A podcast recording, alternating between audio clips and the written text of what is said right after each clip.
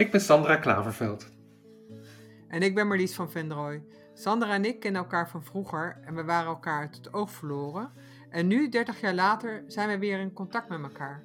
Sandra vertelde mij dat zij een transitie heeft doorgemaakt van man naar vrouw. We hebben besloten om er een podcast van te maken. Zijn wie je geworden bent, wanneer over in gesprek te gaan. We bespreken hoe zo'n transitietraject eruit ziet en waar ik allemaal tegenaan gelopen ben. De kansen die het me heeft gegeven en hoe het nu met me gaat.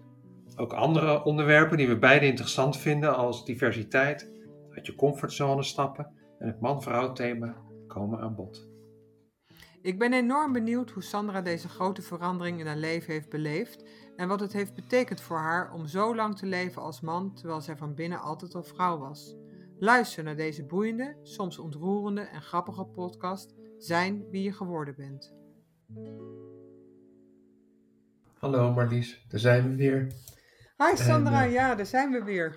Ja. Waar gaan we het vandaag over hebben? Want volgens mij, wel de vorige podcast is vrij veel die gendertherapeut eh, eh, naar voren gekomen. ja. En zouden we het dan vandaag gaan hebben over wat meer een chronologisch overzicht van welke fases en stappen en hulpverlenings- en medische centra je allemaal hebt bezocht gedurende het hele traject. Klopt dat? Ja, ja, dat is goed.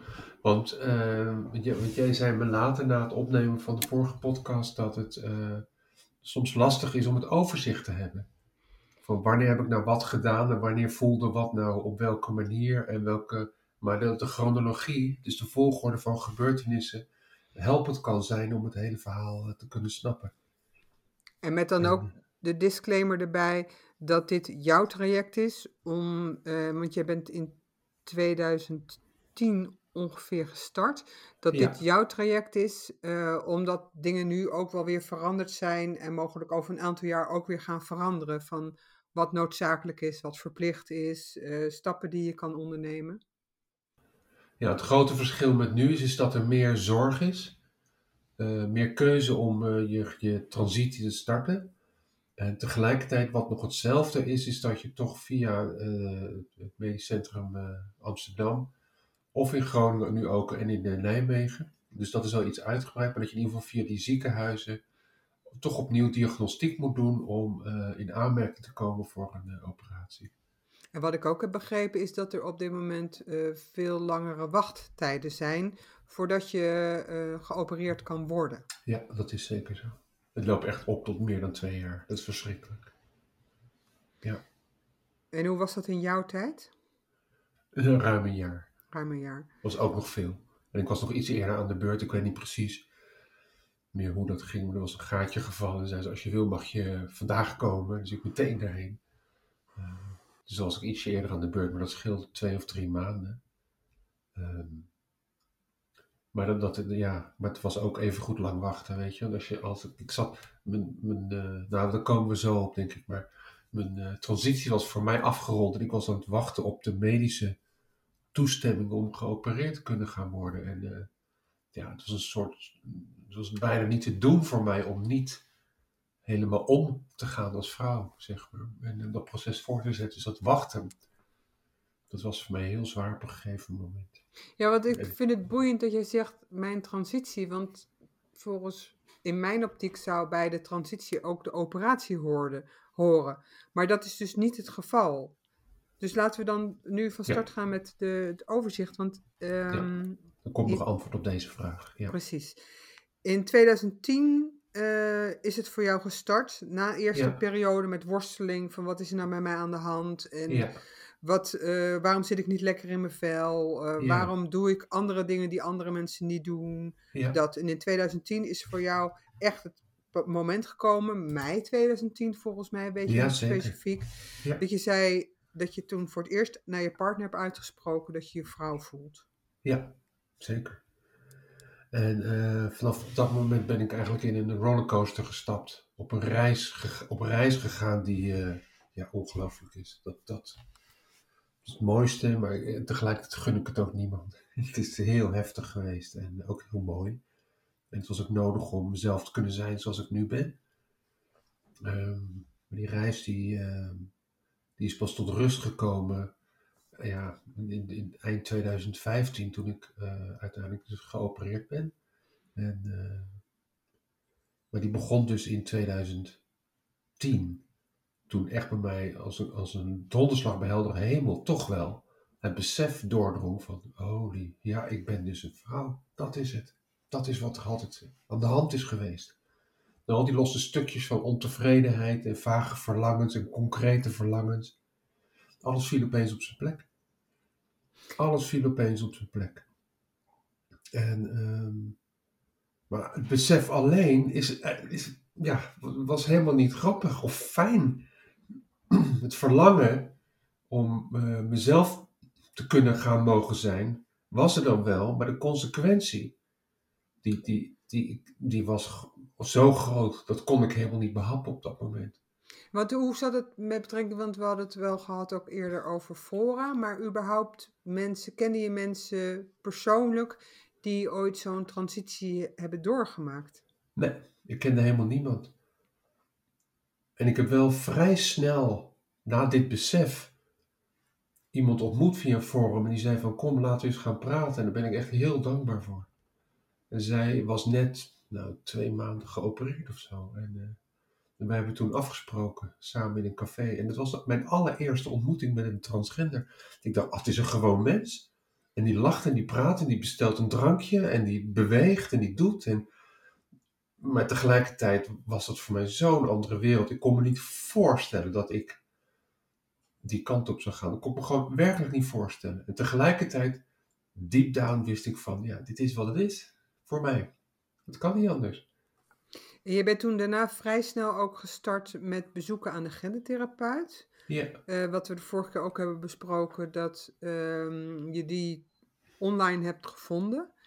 Nou, via deze vrouw, die, die zei van ik ben bij haar geweest en ik heb er hele goede ervaringen mee. En zij helpt je om uh, de weg te gaan vinden in, in jezelf. Om, verantwoorde keuzes te gaan maken, als je die wilt maken. Ik ging daarheen om me niet meer rot te voelen. Ik voelde me zo rot en zo verloren eigenlijk en zo weinig energie.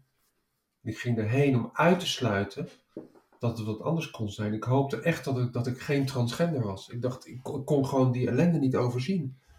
Hoe moet ik ook met mijn vrienden weer naar het café? Hoe moet ik een, een man zijn voor, voor mijn, mijn vrouw als ik, als ik zo moet veranderen? Weet je, allemaal dat soort gedachten had ik. Ik ben de vader van mijn kind. Hoe kan ik in godsnaam, kan ik, ik hoopte echt dat ik daar niet heen zou hoeven gaan vind je het goed om voor de luisteraar toch nog eventjes in jaartallen de stappen neer te zetten uh, van wat je hebt gedaan vanaf het moment dat jij voor de eerste keer aan je partner had uitgesproken dat jij ja. uh, een vrouw bent? Nu even in het, heel kort in de overzicht. Ja, dat, dat de luisteraar ook weet. Dan, waar we zijn. Ja, waar we zijn, mm-hmm. inderdaad. Want ongeveer een, drie maanden nadat je het hebt uitgesproken naar je partner, ben je gestart met, met uh, gesprekken met een gendertherapeut. En een half jaar daarna ben je voor het eerst ook naar, als vrouw uh, een keer stiekem naar buiten gegaan om te ervaren hoe dat is. En je bent hmm. toen ook in uh, eh, 2011 heb je nog steeds gesprekken gehad met de gendertherapeut. Klopt, heb, je ja. de, heb je de TNT-avonden ook uh, bezocht. Ja. En heb je het ook een aantal mensen in jouw privéomgeving verteld welk traject jij gestart bent of wat je aan ja. het onderzoeken bent. Klopt, ja. ja. Uh, nog alles vanuit het stiekeme en niet iedereen mag het weten. Toen ben je daarna ook gestart met het weglezeren van je baardgroei. Ja. Uh, ook in jouw geval van, mocht het zo zijn dat ik werkelijk ook helemaal in transitie ga, ook fysiek, dat jij had toch nooit de behoefte om een baard te dragen. Dus uh, dit is prima om in ieder geval te gaan starten. Ja. En dat je een jaar nadat je het met je partner hebt besproken, dat je toen hebt gemeld, dus in zomer 2011, bij de VU, bij de genderpolie. Ja, ja de VU, het heet niet meer VU tegenwoordig, het heet AMC, als ik het goed heb. Amsterdam Medisch Centrum. Ja. Maar klopt, ja, de VU heette het toen, ja. En waarvoor was het noodzakelijk om je aan te melden? Nou, nou vanwege de wachtlijsten. De, de, de, ik wist al dat er, dat er grote wachtlijsten waren. En ik dacht, um, ja, mocht het nodig zijn, mocht ik misschien in de richting van opereren gaan, waar ik toen nog helemaal niet aan toe was, dan uh, sta ik in ieder geval op die lijst. Dus mocht, mocht ik ergens in beweging willen komen in die richting, dan uh, sta ik in ieder geval wat hoger op de wachtlijst. Dat was de enige reden. Zonder de VU in die tijd was er geen mogelijkheden voor operatie. En ook zij waren toen in jouw tijd de enige die de diagnostiek konden doen. Dus konden constateren of je wel of niet in aanmerking zou kunnen komen voor de operatie. Nou, dat is een verschil. Kijk, er, er waren meer plekken waar ik diagnostiek dus kon krijgen. Dus, dus helder krijgen wat er met mij aan de hand was. Ehm, maar om geopereerd te worden, deden zij hun eigen diagnostiek. En dus ook om in uh, aanmerking te komen voor de vergoeding vanuit de ziektekostenverzekering. Ja, en om hun eigen handelen te verantwoorden, denk ik. Maar dat is natuurlijk ook wel logisch. Ja. En dan in het voorjaar van 2012, we zijn nu twee jaar verder, heeft jouw gendertherapeut de diagnose ook werkelijk gesteld dat je transgender bent. Ja. En in de zomer van 2012 um, kwam je dus via je gendertherapeut terecht in het Haga ziekenhuis in Den Haag. Ja. Bij een endocrinoloog. En een endocrinoloog, dat denk ik dat we daar een hele aparte podcast aan moeten besteden. Omdat het best wel een ingewikkeld proces is. Dat is een uh, hormoonarts, dus iemand die hormonen voorschrijft. En mijn gendertherapeut had zelf dat contact gelegd met het Haga ziekenhuis. Um, omdat op dat moment was alleen maar het VU of nu het AMC uh, degene die uh, hormonen voorschreef in als voortraject naar operatie. En, um, en in overleg met haar heb ik toen besloten van, nou, om te weten of het iets is voor mij om als vrouw helemaal te gaan leven, uh, zou ik met hormonen kunnen starten. Om te kijken wat het met me deed en hoe ik het zou ervaren. Je bent toen vrij snel gestart in de zomer van 2012 ja. met het uh, via de endocrinoloog voorgeschreven oestrogeen ja. die uh, de borstgroei uh, uh, zou gaan ontwikkelen. Met ja. alle emotionele toestanden daaromheen. Ja. Want het zijn natuurlijk hormonen, dus die, die doen ook wat met je. Ja, het was ongelooflijk, ja. Ja, en ja. toen in de zomer van 2012, zomervakantie, toen mm -hmm. heb je het, dus twee jaar later, heb je verteld aan je zoon welke transitie er gaande is, met welke transitie je bezig bent en ja. wat het allemaal gaat betekenen. En hij was toen ja. tien, geloof ik. Mijn zoon was toen tien. Ja, dat klopt. En toen heb je ook beseft van, nou, als, als mijn zoon het weet, dan kan het geen geheim meer uh, blijven, want je wil niet dat je zoon een geheim bij zich draagt. Dus toen nee. ben je het uh, gaan vertellen aan vrienden en familie, aan je collega's, dat je transgender ja. bent. Ja, ja dat klinkt nu als een heel simpel zinnetje, maar het is misschien wel de heftigste tijd van mijn leven geweest. Om echt uit de kast te komen. Ik leefde nog als man. En om dan echt te gaan zeggen, dit zit er aan te komen. Ik voelde me zo kwetsbaar. Ik was zo bang voor reacties. Ja. En het riep ook zoveel op in mijn omgeving. En ja, het fantastische is dat het vooral positieve, eigenlijk alleen maar positieve reacties waren. En uh, het, het grappige is dat ik nog gewoon man was, als man leefde. Dus niemand ja, men hoorde dat verhaal, maar niemand was echt van slag of zo. Dan denk van ja, we zien niks veranderen. Nou, we zien het wel, weet je. En het, het, het was alsof, alsof ik ze een soort van meenam op mijn reis. En daardoor ook deelgenoot werden van mijn reis. Waardoor het makkelijker werd om uiteindelijk de stap te gaan maken om als vrouw te gaan leven. Maar het was heel heftig. Het was voor een hele intense tijd. Van angst, verlangen, maar ook de verhalen van andere mensen. Die ik alsmaar terugkreeg. Wat goed dat je het doet. Wat mooi dat je echt voor jezelf durft te kiezen. Maar ook verhalen als: Ik wou dat ik het lef had om echt voor mezelf te kiezen. Ik wil graag op reis. Ik wil graag een andere baan. Ik wil graag scheiden. Ik wil graag, weet ik voor wat, voor dromen mensen hebben. Bizar hè, dat je dan ook zo'n inspirator ineens kan ja, zijn. Terwijl je zelf nog ja. helemaal in de rollercoaster van je ja, eigen verhaal zit. Uh, en ik denk ook dat uh, het een interessante podcast uh, is over hoe je zoon hiermee om is gegaan.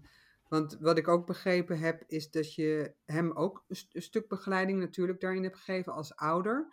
Maar hij heeft natuurlijk ook te maken met vriendjes en vriendinnetjes en leerkrachten op school. En dat jullie ook samen na de zomervakantie een spreekbeurt hebben gehouden over uh, jouw transitie. Ja, hij heeft mij meegenomen naar school. En, uh, maar het was wel een hele bewuste actie ook nog als man ben ik meegegaan naar school, uh, zijn, zijn basisschool. En heeft hij een spreekwoord over mij gehouden. dit is mijn vader, mijn vader is geboren in het verkeerde lichaam. Dat was zijn spreekwoord, zo'n beetje. en ik heb gisteren toevallig met mijn zoon gesproken, ook over dit nog. Hij is inmiddels uh, 20. En uh, uitgenodigd ook voor de, onze podcast. Dus hij, hij gaat er ook meedoen nog. Hij komt nog aan de beurt. Om zijn beleving te horen. En ja, kijk, want niet alleen ik ben in transitie, maar ook mijn omgeving. Ik blijf dat zeggen. Hij moest ook dealen met mij. Ik stond op een gegeven moment ook op het schoolplein anders te zijn. Hij had ook kinderen die er wat van zeiden, wat van vonden. Hij moest er ook mee dealen. Hij ging ook naar de middelbare school met de vraag: moet ik het dan vertellen in de klas of niet? Weet je? En nog even dan verder met uh, de, de reeks. Uh, toen in 2013, 2000, begin 2013, toen is het traject van de gendertherapeut is toen afgesloten en het traject bij de ziekenhuis, bij de VU, is toen opgestart. Dus betekende dat dat je toen aan de beurt was op die wachtlijst? Ja, ik was aan de beurt en uh, ik kreeg letterlijk het dossier mee van mijn gendertherapeut.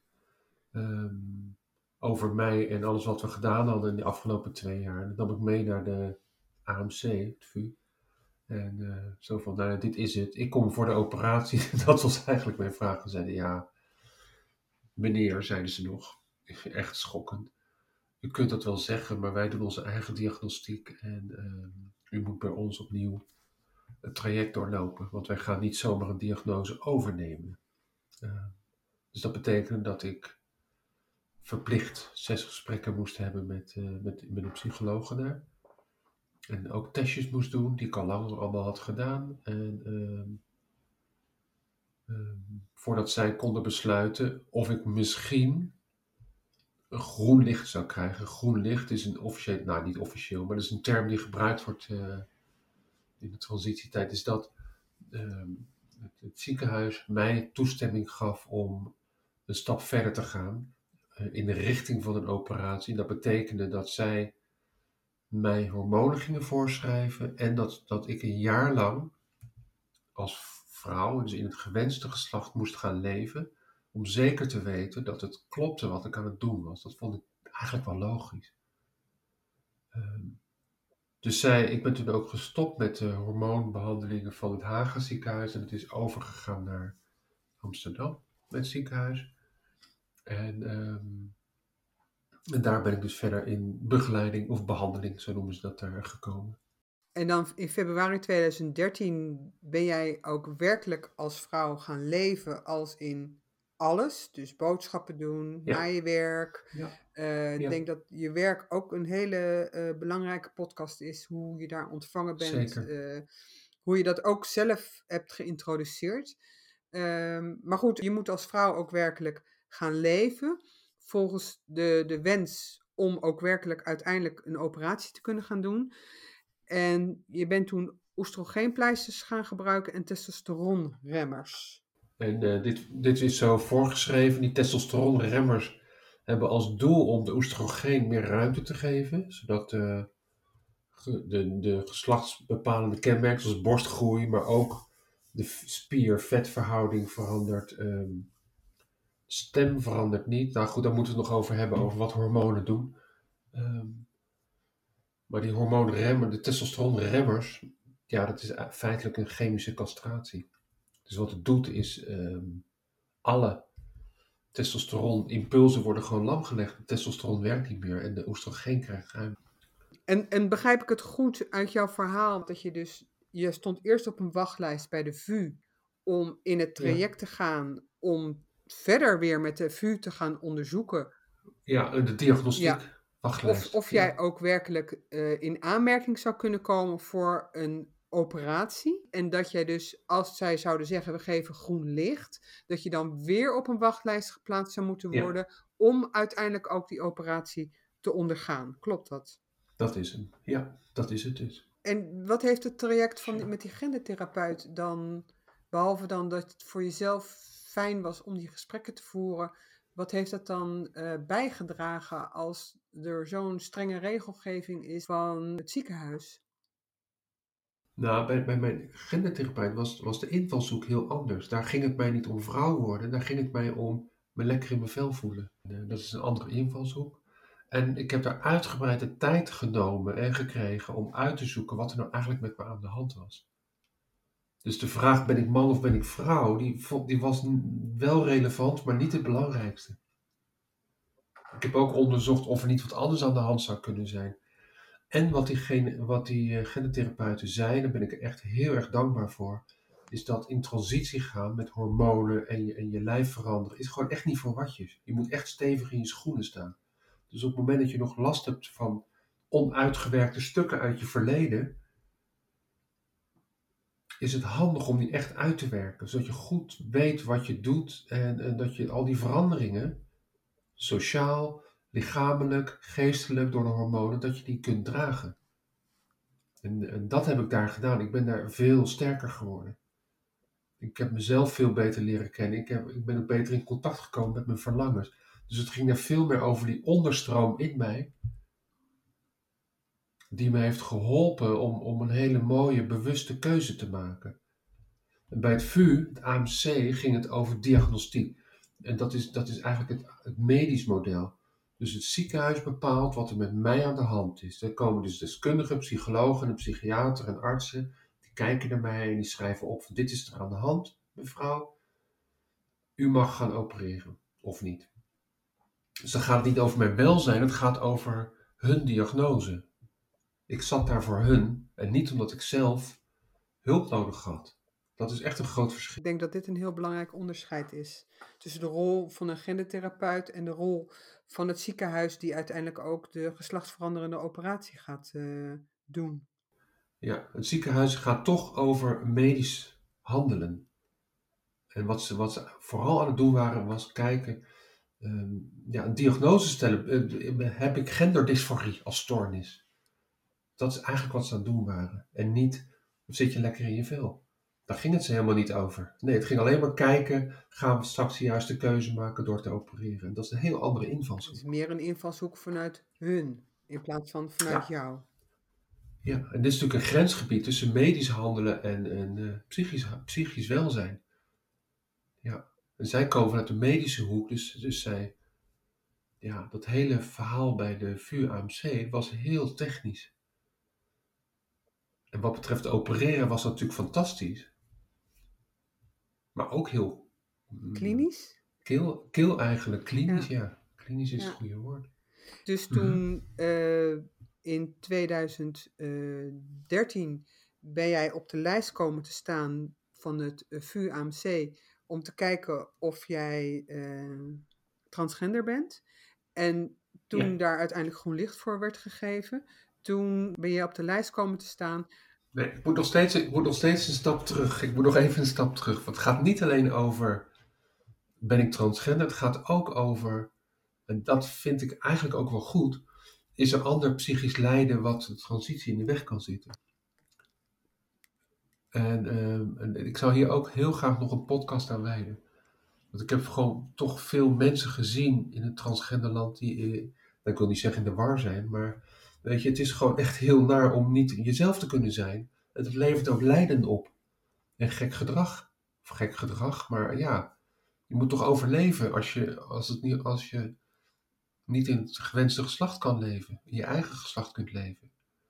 En wat ze doen bij, de, bij het VUAMC, is dat checken. Van gaat het wel goed genoeg met je om het te kunnen dragen? Ook zo'n grote verandering. Maar ook heb je een netwerk, ben je niet depressief? Ehm, ja, hoe zit het met je stabiliteit eigenlijk? En dat checken ze dus ook. En dat vind ik wel goed op zich. Dat daar oog voor is. Hoe ze het vervolgens doen, ben ik het niet mee eens. Maar dat er oog voor is, vind ik niet meer dan terecht. Het is gewoon geen geen kattenpis om van geslacht te veranderen. Dus daar ging het ook over, ja. En als uiteindelijk dan daar groen licht voor is gegeven, dan kom je op de lijst uh, voor een geslachtsbevestigende operatie. Ja, god was ik blij. En dat was dus in 2014 dat je op die lijst bent gezet. En um, in april 2015 heb jij ook werkelijk je geslachtsbevestigende operatie gehad bij het La Lage Landziekenhuis in Amstelveen. Ja, dat was een soort uh, gedetacheerd. Daar, deze, dat, uh, daar ben ik dus geopereerd. Ja. op de dinsdag na Pasen in 2015. Dit is, dit is dus het tijdsbestek waarop jij het met je partner hebt besproken. En eigenlijk vijf jaar later eh, heb jij een geslachtbevestigende operatie gehad. En dat is, zoals we dat nu zeggen, is het niet zo, oh nou, gehad, tralala, we gaan weer door. Want daar zit ook weer een enorm verhaal omheen en ja. vast. Dus, dus, misschien is dit misschien een beetje een, een, een, kille klinische podcast om het tijdsbestek uh, te hebben. En in alle andere podcasts gaan we daar ook nog dieper mm. op in. Want hoe was dat om uh, op de ene wachtlijst gezet te worden, om naar de andere wachtlijst toe te gaan? Uh, het traject wat je hebt gehad bij de VU met betrekking tot de diagnostiek, maar ook hoe is de operatie gegaan? Hoe is je leven daarna geweest? Welke aanpassingen heb je nog moeten doen in je leven? Dus ja. luisteraars, er zit een enorm spectrum aan emoties en verhaal zit erachter. Maar ik denk, ik dacht, misschien is het wel belangrijk of interessant om toch die tijdslijn uh, te laten zien. Uh, Zodat ja, mensen ook in perspectief kunnen zien hoeveel tijd daarover gaat. Ik vind het echt belangrijk, want in de media is het er best wel in om transgender te zijn, maar het is, het is echt geen grap het is gewoon geen grap om van geslacht te veranderen. En uh, het is intens, het is ook heel mooi, maar het is ook heel intens. En het is niet alleen maar van ik ga een, andere kleding aandoen en ik laat me opereren. Dat is echt maar een, een flinterdun laagje van de buitenkant. Het proces van binnen is misschien veel belangrijker. En, uh, en, ja, voor mij zijn deze podcasts ook bedoeld om Ehm, ja, die, die binnenkant te laten zien. En te laten zien wat er allemaal voor nodig is en, en wat het kost. En wat het ook oplevert om, uh, om in transitie te zijn gegaan.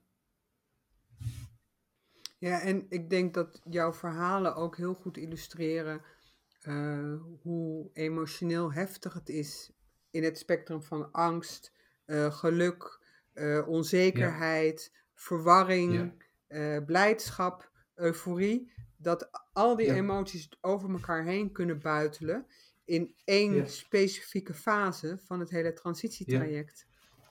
Ja. want dit gaat over het, het, zullen we zeggen, het psych psychische en medisch traject, het officiële traject, deze podcast.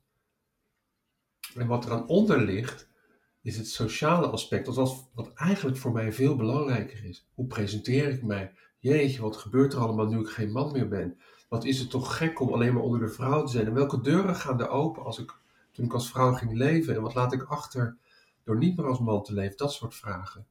Super interessant en heel bijzonder. Maar dat is eigenlijk waar het me over ging. En daar gaan we ook in de volgende podcast over praten. Nou, het is fijn om dit zo overzichtelijk te kunnen vertellen, want voor mij is het helder, maar ik kan me voorstellen dat het voor luisteraars soms wat, uh, ja, wat fladderig kan klinken.